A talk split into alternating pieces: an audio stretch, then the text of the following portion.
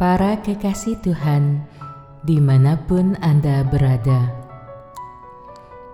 kita berjumpa lagi dalam Kencan dengan Tuhan, edisi hari Senin, tanggal 21 Juni 2021.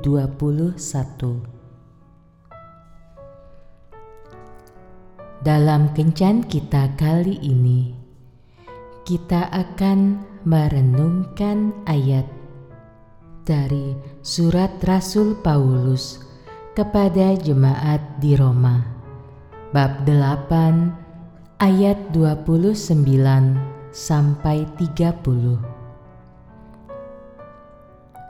Sebab semua orang yang dipilihnya dari semula mereka juga ditentukannya dari semula untuk menjadi serupa dengan gambaran anaknya, supaya ia, anaknya itu, menjadi yang sulung di antara banyak saudara.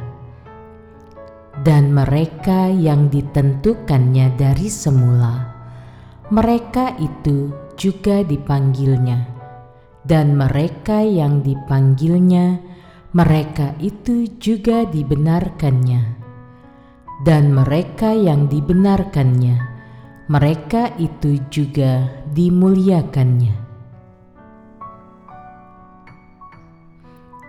Seorang salesman yang masih muda dan belum berpengalaman di bidang usaha merasa amat berputus asa setelah mengalami kegagalan dalam usahanya. Ia sudah berjuang sebagaimana layaknya seorang muda yang masih penuh semangat. Namun, usahanya yang pertama ini harus berakhir dengan kepahitan. Suatu hari ia datang menghadap manajernya dan menceritakan kepedihannya. Ia mengatakan bahwa ia telah bekerja keras, namun kegagalanlah yang harus ia terima. Kemudian dia berkata lagi dengan suara yang pelan, "Pengalaman ini..." seakan membuktikan bahwa kita hanya bisa menggiring seekor kuda menuju sebuah anak sungai. Namun, kita tidak dapat memaksanya meminum air sungai tersebut.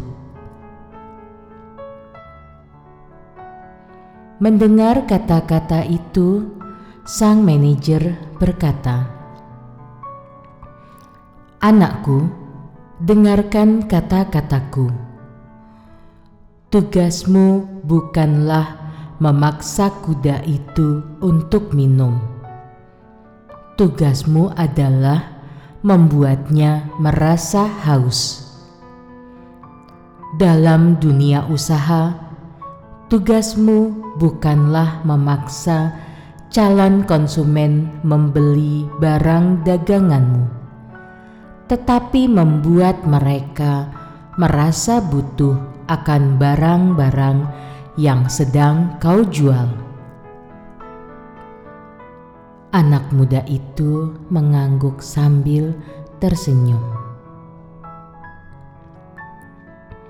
Banyak orang di sekeliling kita belum mengenal kasih Yesus. Oleh karena itu, Tugas kita adalah memperkenalkan Yesus yang penuh kasih dalam kehidupan mereka. Tidak ada salahnya prinsip yang dikembangkan sang manajer pada cerita di atas bisa juga dipakai dalam dunia penginjilan. kita tidak harus dan bukan dengan cara memaksa orang-orang untuk bertobat. Pertama-tama, Jadikanlah hidup kita senantiasa dipenuhi oleh Yesus. Berpikir dengan pikiran Yesus, berbicara dengan kata-kata Yesus, dan bertindak sebagaimana Ia bertindak penuh kasih, sehingga setelah orang lain berpapasan dan mengenal kita mereka akan merasa butuh untuk mengenal dan menerima Yesus dalam hidupnya. Tugas kita adalah membuat mereka merasa haus akan kasih Yesus dan haus akan keselamatan yang sesungguhnya. Tuhan Yesus memberkati. Marilah berdoa.